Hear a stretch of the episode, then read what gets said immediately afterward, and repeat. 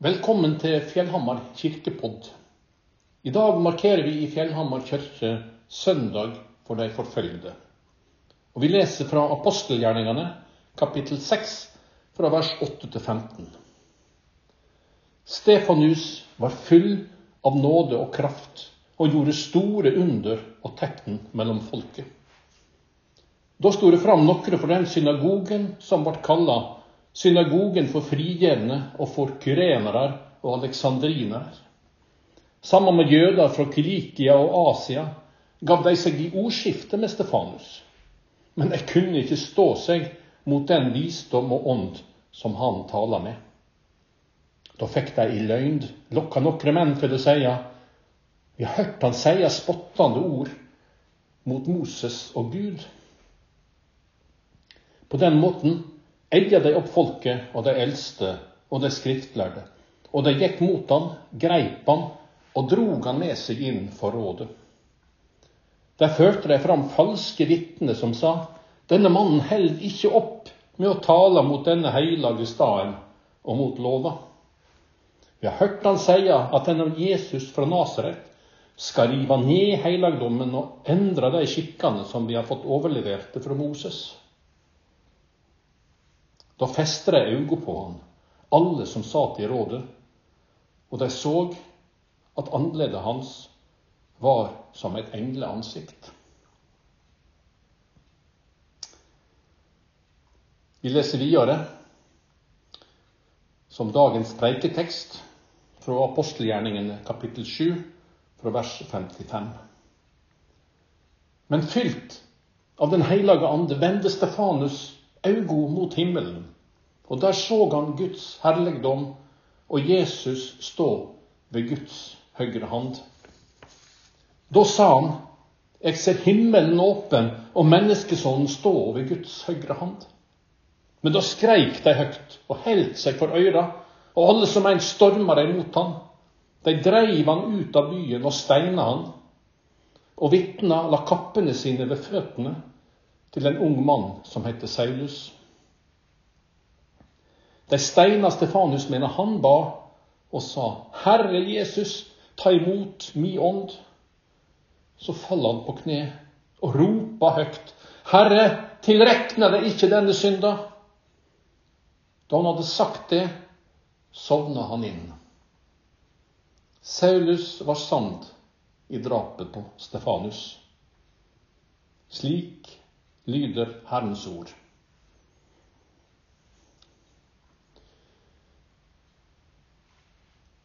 Begge dagens tekster er henta fra fortellingen om Stefanus.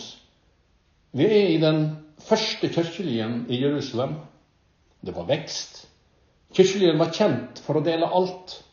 Men så ble leierne, leierne som var hebraisktalende, klandra fordi enkene til de gresktalende jødene fall utenfor blant de som fikk hjelp. Det gjorde de noe med. Stefanus og seks andre ble vigsla som diakoner for å sikre at alle, også minoritetene, fikk hjelp. Stefanus tok diakonien på alvor, men som vi las i den første teksten, var han også et offensivt vitne, full av nåde og kraft. Han gjorde store under og tegn blant folket. Men Stefanus møtte motstand blant noen som var av de mest nidkjære i forsvaret av tempelet og av Moselova. De ville rydde Stefanus av veien.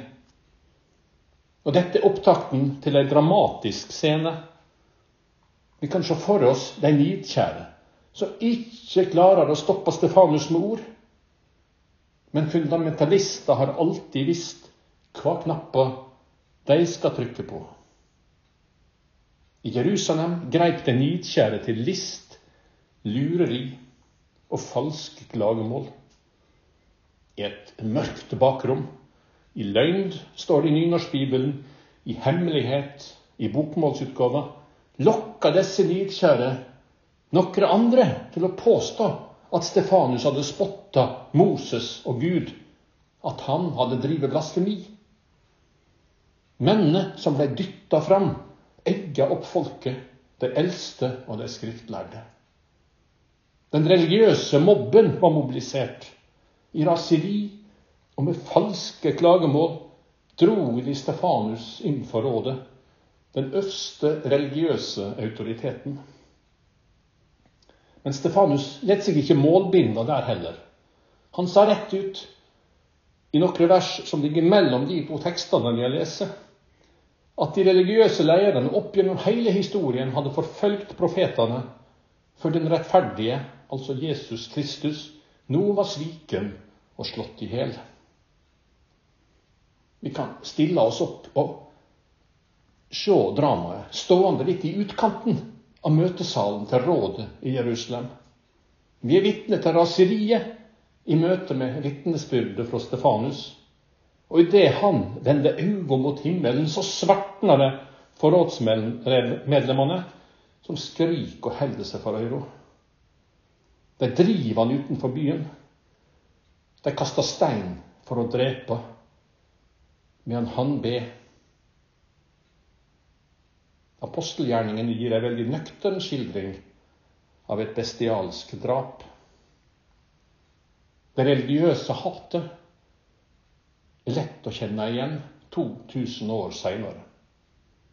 Men før neste scene må jeg minne om at det ikke var jødene som folk som drap verken Jesus eller Stefanus. Det var nidkjære, ekstreme menn som fikk de religiøse leirene med seg.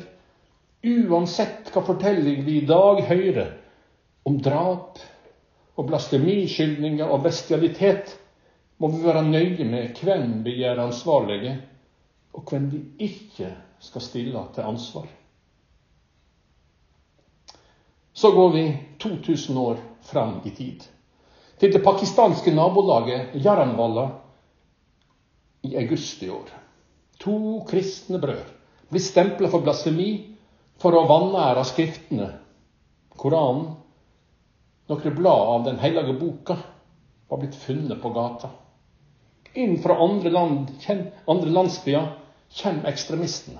De aller mest nidkjære forsvarerne av hellige bøker. De hisser opp folk. De får de religiøse leirene med seg. Moskeen blir brukt til å mobilisere en enda større mobb. Og de ekstreme er klar til å ta livet av de to brødrene. I raseri stormer de mot kristne nabolag. De brenner ned 90 hus og 25 kirker. Heldigvis de kristne blir hjulpet til å komme seg unna av sine muslimske naboer. Sist søndag holdt jeg preike i Åsane kirke i Bergen.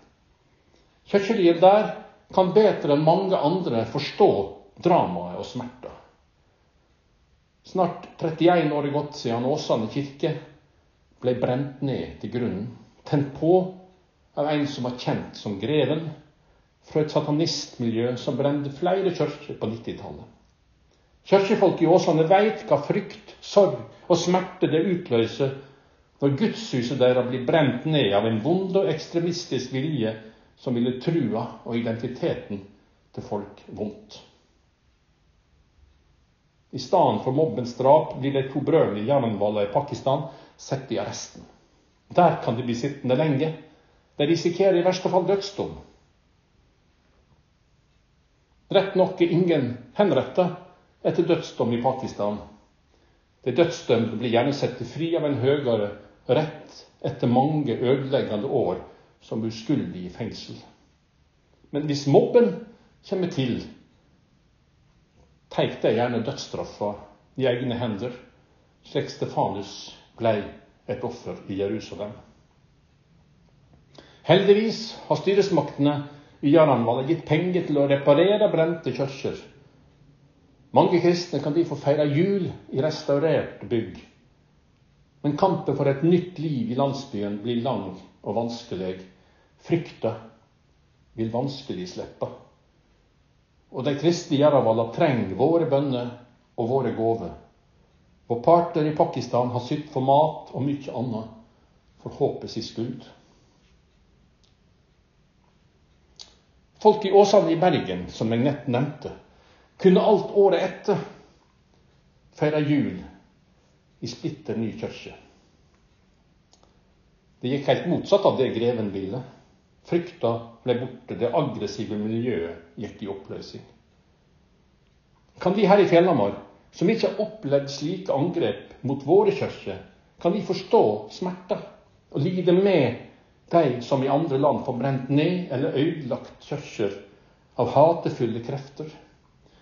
Miljø som ikke går i oppløsning. Eller dytter vi det til sides fordi vi ikke er ramma, eller vi syns vi ikke orker å forholde oss til det? Det er mange vi kan dele smerter med. I storbyen Mosul i Irak blir det ingen julefeiring. Byen ble tømt for kristne da IS tok byen og kjeppjaga hæren i juni 2014. Kristne som det ennå var 30 000-40 000 igjen av i Mosul, fikk valget mellom å konvertere, betale beskyttelsespenger, flykte eller bli drepne. Kirkene ble lagt i ruiner. Siste gangen jula ble ringt inn i Mosul, var i 2013. Det er ti år siden. Tida for et levende kristent samfunn i Mosul er over for godt. Men håpet lever andre steder. I staben i hjelpeorganisasjonen Kapni, som vi støtter, og som hjelper kristne og jesidier, jesidier som ble forsøkt utrydda av IS, hjelper de her på beina igjen etter IS. I denne staben er det flere kristne som i 2014 flykta nettopp fra Mosul. I dag stiller de opp for å gi håp til andre som måtte flykte for å berge livet. Brende kirker er en utbredt form for vold mot tru som ekstremister ikke liker. Bli med til India. I det som lenge var en konflikt mellom folkegrupper om ressurser og land og retter i delstaten Manipur, har religiøst hat i år fått en sentral plass. Og de som vil at India skal være et land for hinduer, bruker svært mange midler for å presse ut religiøse minoriteter som er muslimer eller kristne. For hindunasjonalistene er kristendom, islam eller sikhisme en trussel mot hinduismen og India slik de vil at landet skal være. Og i Manipur har ekstremistene angrepet kristne stammefolk der det smerter mest. Det brenner heimer og gudshus. I mai og utover ble minst 357 kirker vandaliserte eller rett og slett sette fyr på. Og De som påstår at dette bare er en etnisk konflikt uten religiøst hat, bør studere bildet av brente kirker. Titusenvis av mennesker fra det hovedsakelige kristne stammefolket Kuki ble drivne utenfor byene sine. De ble ikke steina, men de hørte ekstremister med våpen og brannbomber rope 'død' over kukiene. Og de som er fordrivne utenfor byene sine, holder opp lyset og korset i protest mot volden. Og vi kan falle hendene våre. Herre, forbarme deg over oss så vi ikke faller for frestinga til å forsvare mennesker som bruker fyrstikker og hatefulle rop mot ei tru vi ikke liker.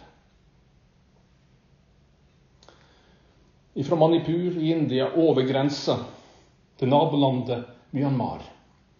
Der prøver militærjuntaen å slå ned all motstand mot et diktatur som blir elska fram av buddhistiske ekstremister.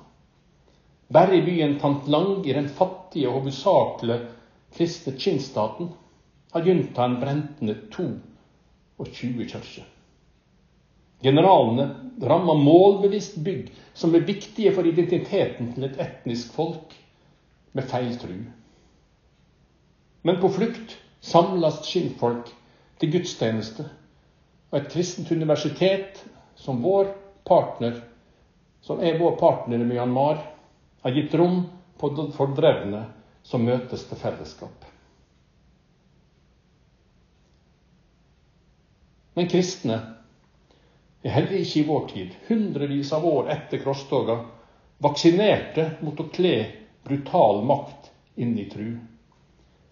Flere hundre kirker og andre religiøse bygg er ødelagd av Vladimir Putins krigsmaskin i Ukraina. En krig som er velsigna av patriark Kiril. Og Senest sist helg gjentok Kiril at de som kriger for Russland i Ukraina, vil komme til himmelen. Det regner jeg som virkelig blasfemi. Men kritikere av denne krigen og av kirka som støtter han, blir ramma både av statsmakt og kirkemakt. En av kritikerne er den ortodokse presten Viktor Johan Burdin. Han kritiserte krigen fra første stund. Han sammenligna den med overfallet Hitler gjorde mot Polen i 1939. Og i ei preike i mars i fjor minner han om det femte bået du skal ikke drepe. Burdin ble raskt bøtelagt av staten for å ha vanæra hæren. Han blir på en, måte, på en måte beskyldt for blasfemi, vanære Hæren. I religiøst grunngjevet sinne har hans egen kirkeleding, bispedømmet hjemme i Kostroma, jaga Burdin utenfor alle kirkevegger. En kirkelig domstol fant Burdin skyldig i å ha vært ulydig mot patriarken og skyldig i blasfemi mot kirka og mot helgene, de som Kiril på blasfemisk vis har lova plass i himmelen etter død på ei bestialsk slagmark. Jeg hører lyden fra rådet i Jerusalem i møte med Stefanus. Det ble rasende og skar tenner mot ham. Kirkemakta i Kostroma holdt seg i alle fall for øra i møte med budskapen fra Burdin. Det gav han yrkesforbud. Han er nekta preikestol i alle russisk-ortodokse kirker verden over. Men Burdin holder fram vitnemålet i et privat kapell ved elva Volga og på den krypterte plattforma Telegram. Han holder sanninga og håpet oppe. Han har bedt meg helse dykk og sende hilsener og velsigninger til Fjellhamar. Og lat oss be, Herre, sjå i nåde til dei som vitner om din kjærleik, som står opp for sin neste og din skapning i møte med vondskap og bestialitet. Jesus varsla læresveinene sine om det som skulle komme. I bergpreika Matteus 5. Ja, særlig er det når folk for mi skyld spotter og forfølger dykk, lyg og taler vondt om dykk på alle vis. Så la han til, gled dykk og jubla, for stor er lønna dykkar i himmelen. Slik forfølger de òg profetene før dykk. Kallet vårt er ikke å oppsøke martyriet. Læresveinene fikk i Markus 6 og Lukas 9 beskjed om hva de skulle gjøre hvis det var noen de møtte som ikke ville høre på dem. Da skulle de fare derifra og riste støv av føttene. Det skulle, sa Jesus, være et vitnemål mot de som ikke ville høre. Vi har som apostlene i Matteus 16 fått kall til å ta krossen vår opp og følge Jesus. Men vi har ikke fått samme krossen som Jesus, og vi har fått ulike krosser.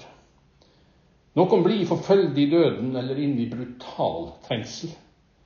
Mange av oss har fått lettere krosser, men Jesus har en oppgave til oss alle som vil følge ham. Eller som vår venn biskop Thomas i Egypt sier, de i vest skal hjelpe oss å bære krossen vår. Jeg veit ikke hva vitne jeg ville klart å være i Pakistan, India, Myanmar, Egypt eller Russland. Men jeg veit kristne som har fylt kirke til siste plass i Pakistan etter terrorangrep.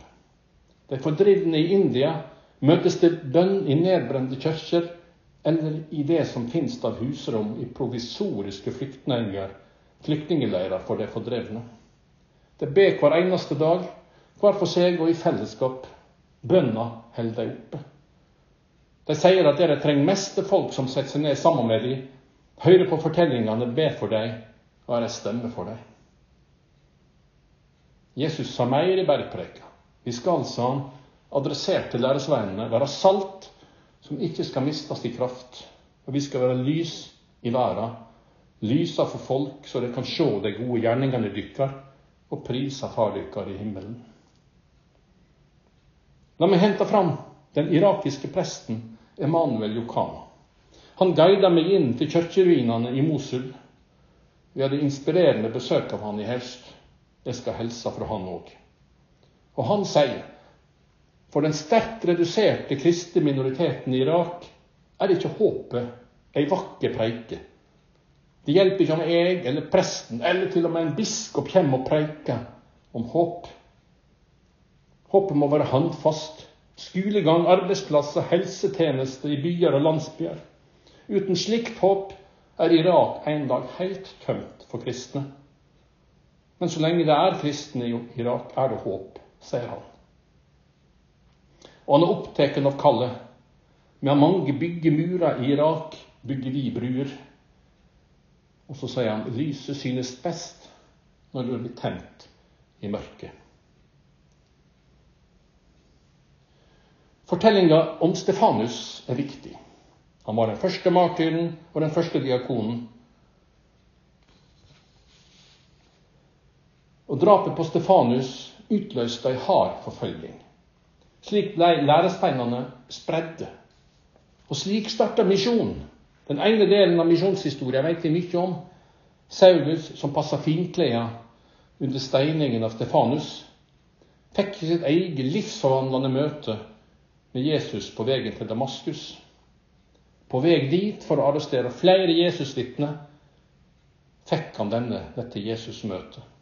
Så ble han sjøl en verdenskjent misjonær som ble fengsla i Efesos og dømt til døden og avretta i Roma. De andre apostlene vet vi mindre om, siden de ikke fikk ta med seg Lukas som forfatter av reiseberetninger, eller apostelgjerningene, som vi kaller det, slik Paulus fikk. Men mange dro østover. Evangeliet vandra fra Jerusalem til land som Irak og India. Og når vi er kommet omtrent midtveis i apostelgjerningene, vet vi fra andre fortellinger at apostelen Thomas var kommet til India. Alle unntatt Johannes ble etter tradisjonen martyrer. Kirka ble grunnla, spirt og vaks i land etter land. Et kross på et kloster over Ninivesletta i Irak vitner om det. Stefanus-fortellingen handler altså om martyriet, diakonien og misjonen. Vi tar med oss det frimodige vitnesbyrdet i møte med religiøs ekstremisme. Vi ber for de som har fått sine heimer og kirker brende. Og vi tar imot kallet til å spreie evangeliet og gi håp til alle som faller utenfor. Det er mørkt i verden nå.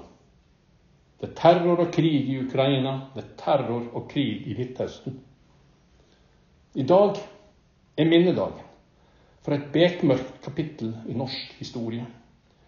Den 26. november 1942 skjedde den største deportasjonen av norske jøder til Auschwitz under krigen. 529 jøder ble sendt med skipet Donau. Stopp gjerne på fortauet utenfor Hanaborgveien 70. Der er lagt ned snublesteiner, messingplater med navnene på familien Bodd, som ble sendt med Dona i dag for 81 år siden. En heil Lørenskog-familie Foreldre og fire barn ble utrydda. I dag starter gudstjenesten med salmen 'Guds menighet er jordens største under'. Ronald Fangen skrev salmen i spennet mellom mørke og lys midt under andre verdenskrig. Han skrev om verdensriker som stiger og de synker. Salmen peker fram mot dagen da alt hat skal smelte.